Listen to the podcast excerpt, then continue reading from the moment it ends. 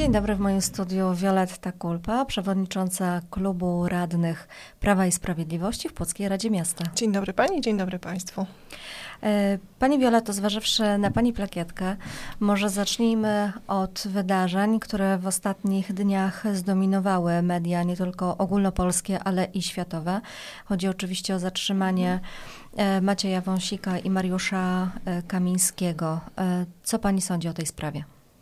Znaczy przede wszystkim e, tragiczne jest to, jak działa e, obecna władza, e, bo tutaj niestety nie do końca jest nam wesoło przy tym wszystkim. No, obserwują to przede wszystkim e, Polacy, patrząc na to widowisko, a raczej e, marne przedstawienie, które reprezentuje w tej chwili koalicja 13 grudnia czyli e, próba e, przeforsowania swoich racji wbrew prawu, no bo tak na dobrą sprawę wszystko, co w tej chwili e, podjęła koalicja 13 grudnia, myślę przede wszystkim o panu ministrze Bartłomieju Sienkiewiczu, zostało unieważnione przez sąd, czyli wszelkie zmiany związane z telewizją publiczną, z TVP, z Polskim Radiem czy z mm, Tajem zostały tak naprawdę e, unieważnione przez sąd, czyli referendarz sądowy nawet nie naniósł tych poprawek, które sobie życzył pan e, minister Sienkiewicz, czy pułkownik Sienkiewicz, bardziej chyba takie określenie do niego pasuje.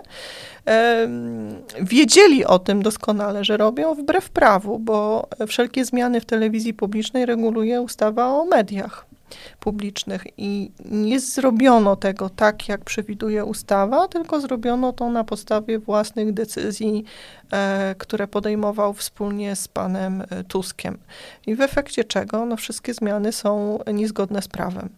E, kolejna kwestia, no to jest próba siłowego przejęcia prokuratury krajowej, co dla mnie jest no, po prostu niemożliwe, że coś takiego może się dziać e, w XXI wieku w demokratycznym, wydawałoby się, e, państwie. No i oczywiście ostatnia, chyba najgorsza sytuacja, kiedy to do y, Pałacu Prezydenckiego wkracza y, policja i SOP i wyciąga gości pana prezydenta pod jego nieobecność z budynku. E, i przewozi oczywiście do aresztu, a później do więzienia w dwa różne miejsca, bo pan Kamiński był w Radomiu, natomiast e, pan minister Maciej Wąsik w Przytułach Starych.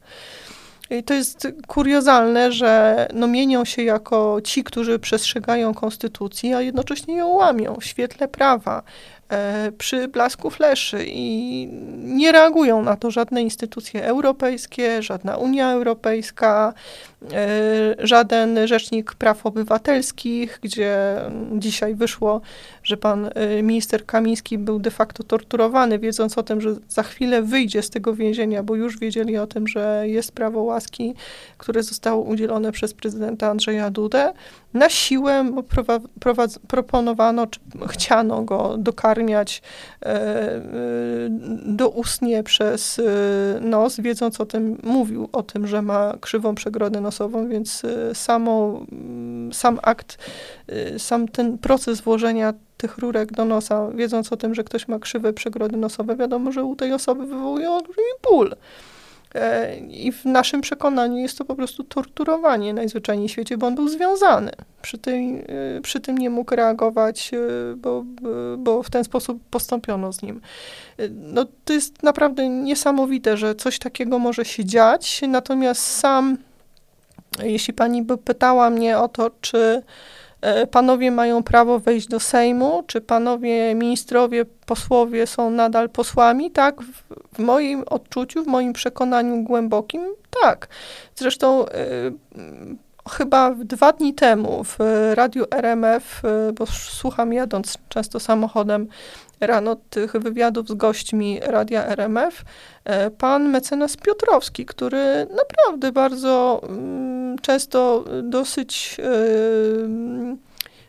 w trudnych słowach wyrażał się e, o rządach Prawa i Sprawiedliwości. To nie jest jakiś e, członek PiSu, nie jest zwolennikiem PiSu. On zaraz dementuje to, że ktoś, kto e, zgadza się z naszymi poglądami, który był jakimś wykonawcą tak tylko tych rozkazów rzekomych PiSu, tak się wypowiada. Nie, on naprawdę rzetelnie przeanalizował te przepisy prawa i zgodnie z, z jego opinią, którą którą wyraził na antenie tego radia, przedstawił, że dla niego ci dwaj e, panowie posłowie są nadal posłami, mają mandat, mają immunitet i mogą przebywać normalnie na sali e, plenarnej, mogą głosować, mogą być pełnoprawnymi posłami.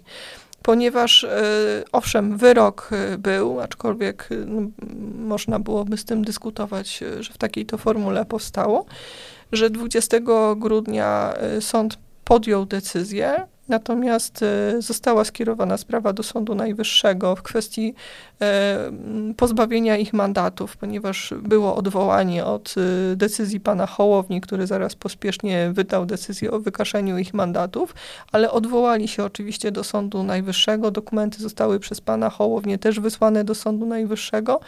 I w przypadku pana Wąsika Izba, która wypowiedziała się, jedna z tych izb, która się wypowiedziała, uchyliła decyzję pana marszałka Hołowni, twierdząc, że nadal pozostaje posłem. No w przypadku Kamińskiego były dwie odmienne, sprzeczne oczywiście w Sądzie Najwyższym rozstrzygnięcia prawne, e, ale w przypadku pana e, Macieja Wąsika jakby sytuacja jest w 100% jasna i nie może pan Hołownia sobie interpretować prawa, że ja ich nie wpuszczę, ja ich nawet na salę plenarną nie wpuszczę jako goście na przepustkę zwykłą jednorazową. No nie, no nie można w ten sposób postępować.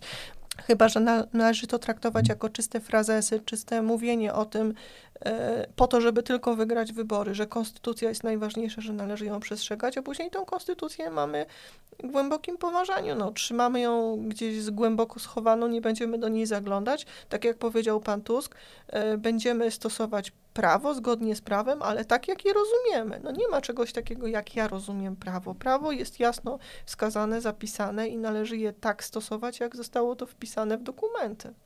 Niewątpliwie jest to bardzo trudna sytuacja, również pod kątem prawnym, zwłaszcza, że PKW zwróciła się teraz do marszałka Hołowni e, z prośbą o podanie podstawy prawnej e, żądania e, przekazania informacji na temat nowych posłów. Czy w ogóle dla mnie, dla mnie, pani redaktor, to jest absurd, że PKW o coś się pyta. PKW ma ściśle określoną czynność. PKW w sytuacji klarownej po prostu wskazuje następcę, kto jest w kolejności, kto uzyskał następną ilość głosów i do niego wtedy się kieruje zapytanie, czy przyjmuje ten mandat, czy nie. Dla mnie jest kuriozalne, że PKW w ogóle o coś pyta. W ogóle PKW nie powinno pytać, bo PKW w takiej y, sytuacji w ogóle nie przyznaje tak naprawdę prawa powołania innej osoby, bo to są nadal posłowie. No bo dojdziemy za chwilę do absurdu, że będziemy mieli Sejm z 462 posłami. E, bo jeśli się okaże, że rzeczywiście, no, załóżmy hipotetycznie, PKW by się pospieszyła, e, wskazała nowe osoby, które następują po, po tych, które e, został, zostały bezprawnie pozbawione mandatów i nagle wtedy po jakimś czasie, po odwołaniach panów posłów, którzy zostali pozbawieni tych mandatów, okaże się e, w toku postępowania, bo mają, rozumiem, w państwie prawa e, system odwoławczy, e, nagle okaże się, że jest interpretacja, że nie, że marszałek nie mógł ogłosić tego ani swoim zarządzeniem, ani ogłoszeniem, później premier Tusk w monitorze polskim, nagle się okaże, że mają to prawo, czyli mamy tak naprawdę paradoks sytuacji, kiedy konstytucja mówi o tym, że mamy 40, 460 posłów, a nagle okaże się, że no nie, nie mamy 460, tylko, tylko dwóch więcej. Mhm. No i wtedy co zrobić? No, no, i nie dziwię się, że Hołownia, marszałek Hołownia się w pewnym momencie wstrzymał, no bo chyba miał świadomość tego, że może popełnić kolosalny błąd, który będzie go bardzo dużo kosztował, bo już to go kosztuje bardzo wiele. Zauważmy, że pan Tusk tak naprawdę schował się gdzieś z tyłu, wypuścił na sam front front właśnie pana Hołownię, który dał się w to wszystko wmanipulować i stał się tak naprawdę symbolem bezprawia, bo dla mnie marszałek nie respektuje prawa, czyli wypuszczono na pierwszy front pana Hołownię i pana Bodnara. Do walki na pierwszym froncie, że mają walczyć z dwoma posłami, tak jakby to byli niesamowicie yy, yy, osoby, które są niesamowicie yy, straszne, które wywołują jakieś olbrzymie konflikty, którzy są niesamowicie niesamowitymi przestępcami, którzy wymagają natychmiastowego zamknięcia w więzieniu. Przypomnę tylko, że około 70 tysięcy osób w Polsce z wyrokami czeka na, y, na to, żeby być osadzonych w więzieniach. I nie ma tych miejsc, tak? A tutaj bardzo szybko poszła procedura, łącznie z tym, że wchodzi y, policja do, y, do gmachu y, prezydenta, do, do, do szefowej kancelarii, mówi, że po prostu wyciągają gości pana prezydenta z, z budynku, no to jest no, niesamowite. No nigdy w życiu, w historii tego państwa nie, nie miały miejsca takie sytuacje, nawet za czasów PRL-u. Czyli no, to jest państwo totalitarne, tylko państwo totalitarne wprowadza takie metody. Przejdźmy w takim razie do e, wbrew pozorom spokojniejszej sprawy, jaką są wybory samorządowe nadchodzące. W naszym mieście, w Płocku, e, ogłosił się już jeden kandydat Polskiego Stronnictwa Ludowego. Obecnie kandydujący prezydent e, też zadeklarował, że będzie startował. Co Prawo i Sprawiedliwość robi e, w tej sprawie, jak przygotowuje się do wyborów samorządowych i przede wszystkim ważne pytanie, czy macie już swojego kandydata? Znaczy ja powiem pani redaktor przewrotnie, yy, ostatni będą pierwszymi. yy, cieszę się, że oczywiście panowie już zdecydowali się na ten ruch i, i zgłosili swój akces kandydowania i dobrze, no tak należy. E, dobrze, żeby był jak największy wybór spośród różnych e, organizacji, spośród różnych partii politycznych, które e, startują, tylko tak naprawdę no tutaj nie mamy zaskoczenia. To są te same osoby, które działają w polityce od wielu lat i niestety ja to wielokrotnie podkreślam w polityce. Ja zapowiedziałam, że nie będę startowała w najbliższych wyborach e, prezydenckich, jeśli chodzi o polski samorząd. Oczywiście nadal e, podtrzymuję e, chęć pracy w samorządzie jako radna. Natomiast podkreślałam wielokrotnie, że ten samorząd nie jest już samorządny, jest polityczny, bo prezydent wielokrotnie dał wyraz temu, że stał się bardziej politykiem niż samorządowcem, że bliżej jest mu do e, wcześniej Platformy, teraz Koalicji Obywatelskiej, e, niż tak naprawdę wsłuchania się w głosy różnych opcji politycznych, różnych osób, które też niekoniecznie są związane z żadną partią polityczną, ale po prostu są mieszkańcami, a to, że nie myślą tak jak koalicja obywatelska, to, że nie myślą tak samo jak prezydent, to nie znaczy, że są gorszymi mieszkańcami, gorszymi obywatelami.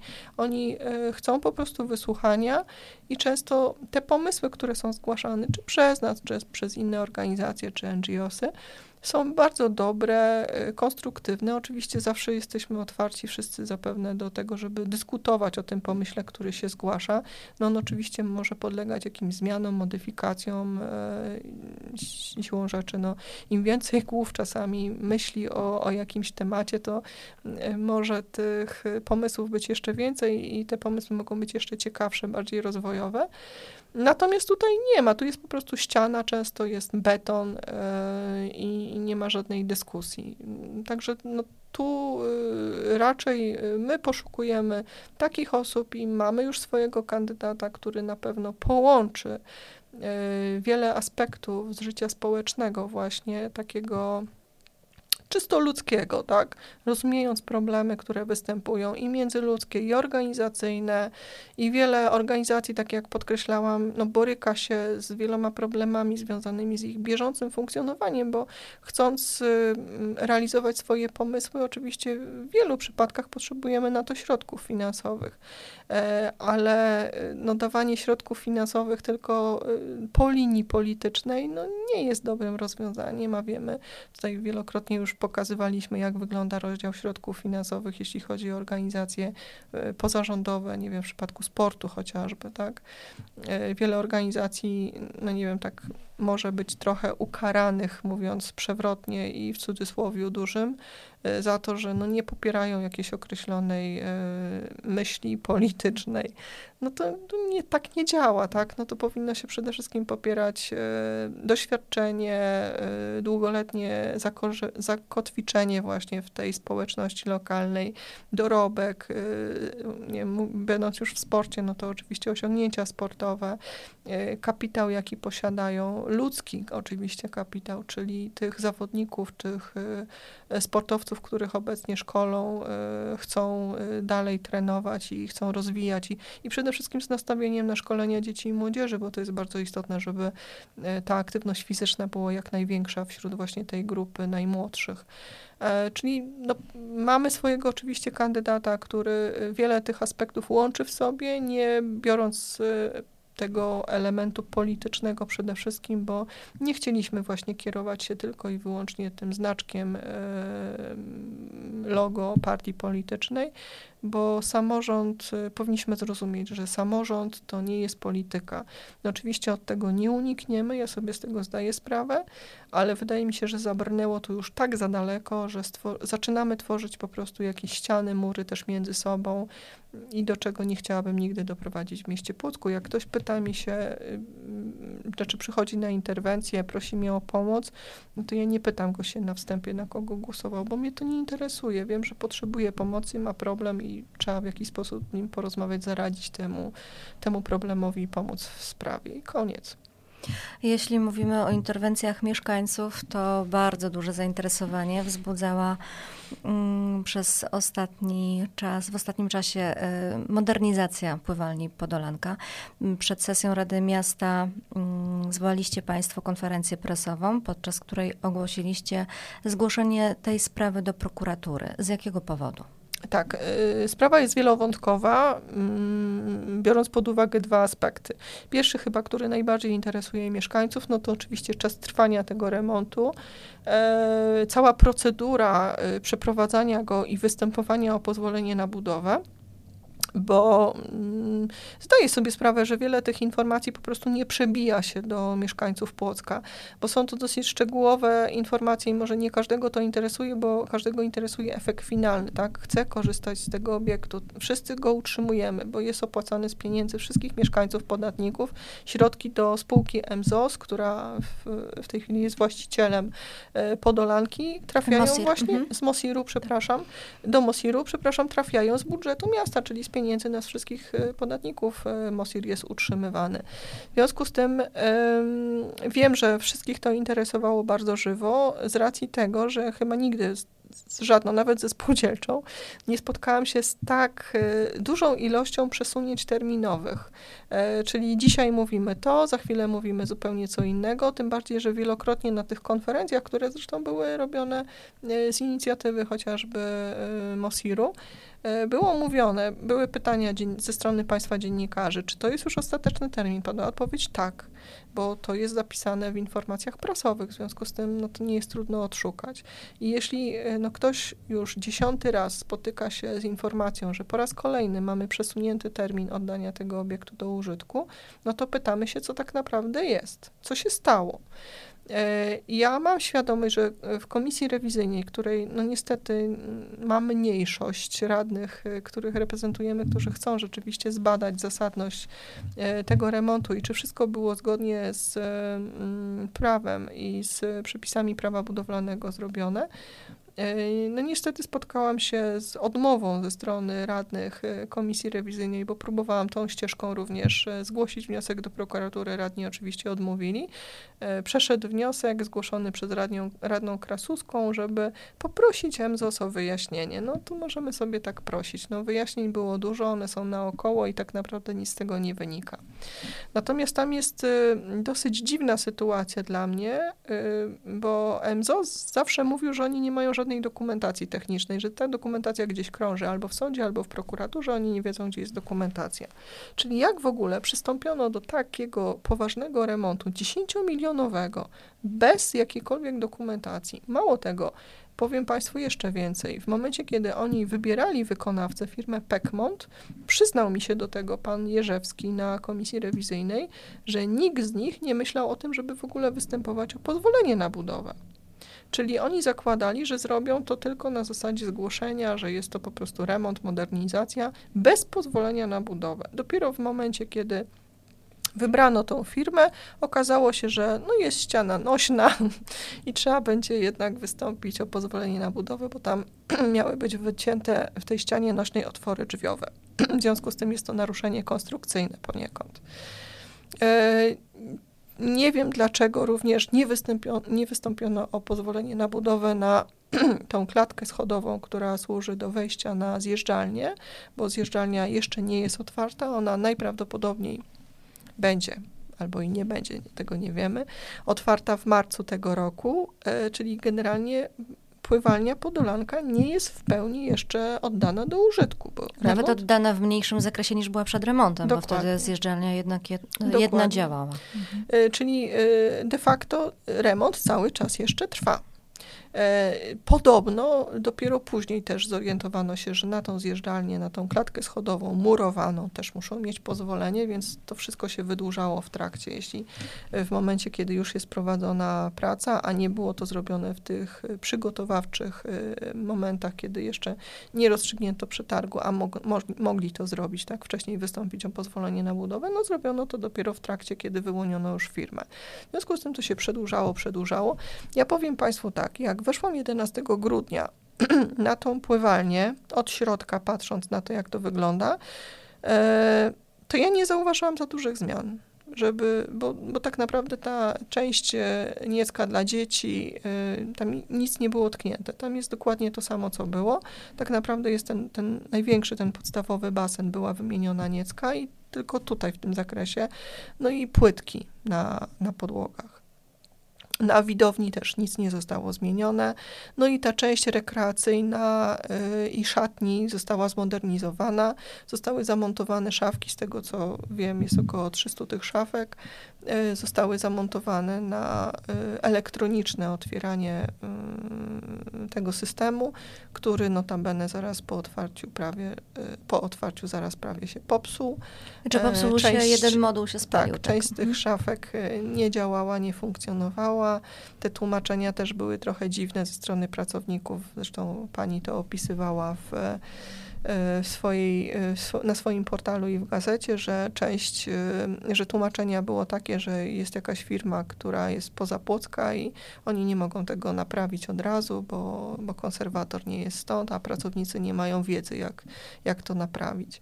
Więc to trochę było dziwne. I to jest ten aspekt cały złożony, w ogóle całej procedury przeprowadzenia tego remontu, co się zadziało od grudnia 2022 roku, kiedy ten obiekt miał być oddany, do marca 2024, kiedy fizycznie zostanie oddany cały, że przez blisko półtora roku no ktoś zawalił terminy. Coś się stało, że półtora roku zawalano prawie, półtora prawie roku terminy.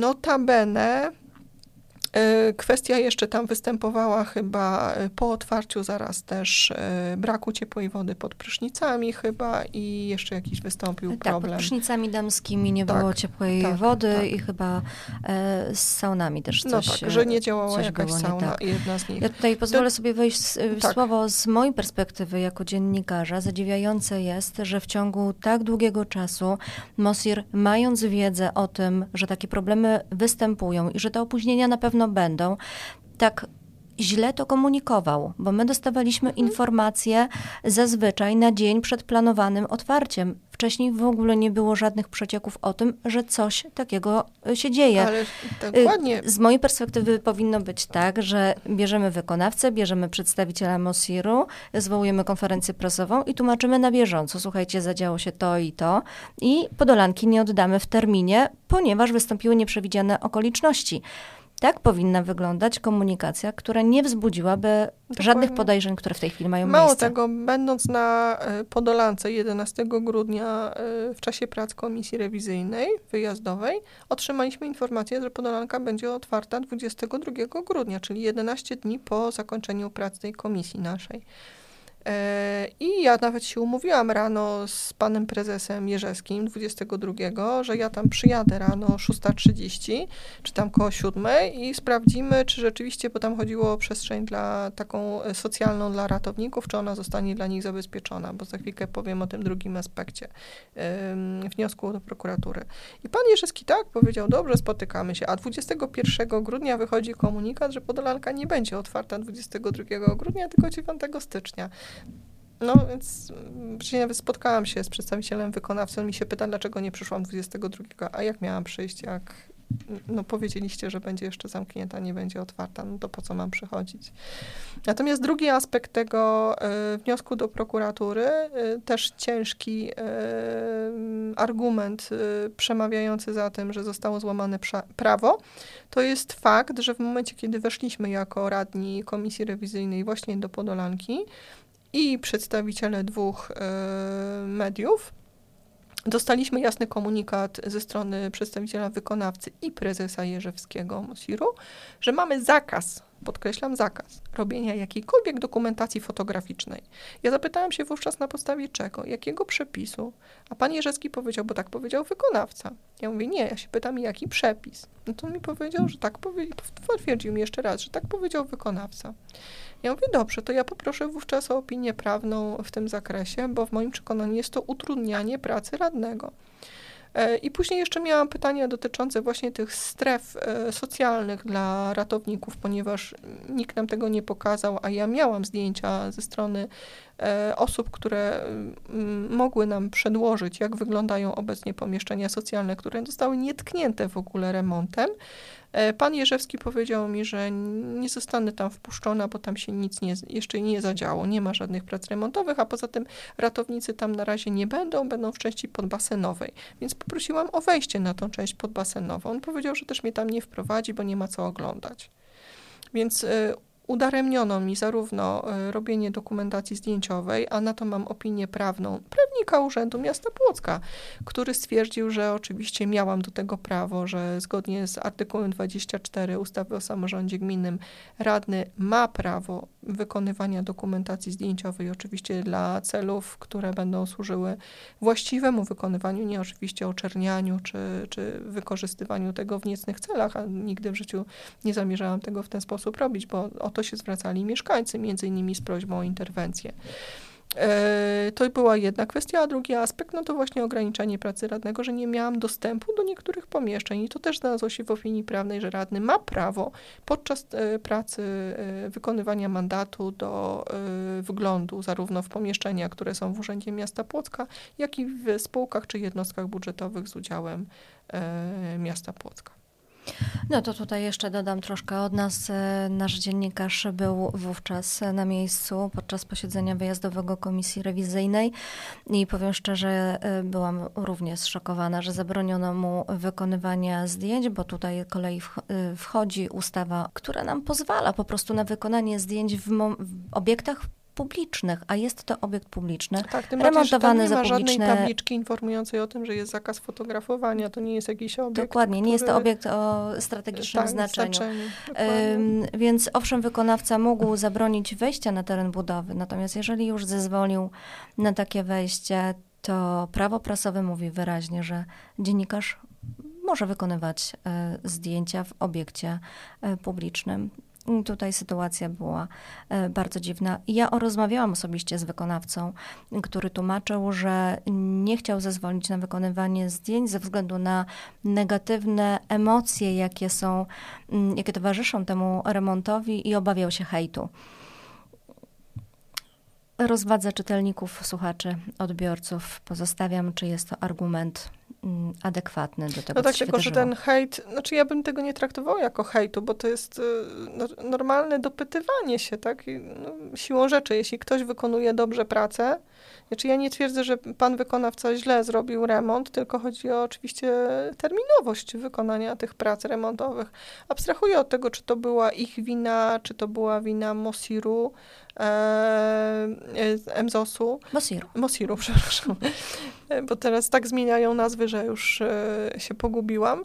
E, abstrahuję od tego, po czyjej stronie leżała wina. Oni występować powinni razem na konferencjach prasowych i jasno precyzować, co jest powodem opóźnień, jakie są realne szanse na to, że ten obiekt zostanie otwarty do użyteczności publicznej.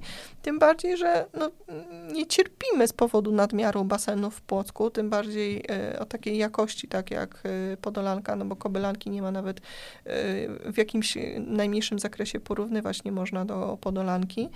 E, I w związku z tym no, wszyscy mieszkańcy na tym cierpią. I dlaczego rzetelnie nie przedstawiono stanu faktycznego? Bo ja na przykład o tym, że oni występowali o pozwolenie dopiero wtedy, kiedy był już rozstrzygnięty przetarg, dowiedziałam się zdecydowanie dużo, dużo później. Dlaczego od razu tego nie komunikowano, nie powiedziano, jaki stan, jest stan rzeczy? W styczniu 2023 roku oni dopiero zakomunikowali, że nie mają dokumentacji technicznej, która gdzieś krąży, nie wiadomo gdzie jest. To czemu o tym nie powiedziano zaraz na starcie?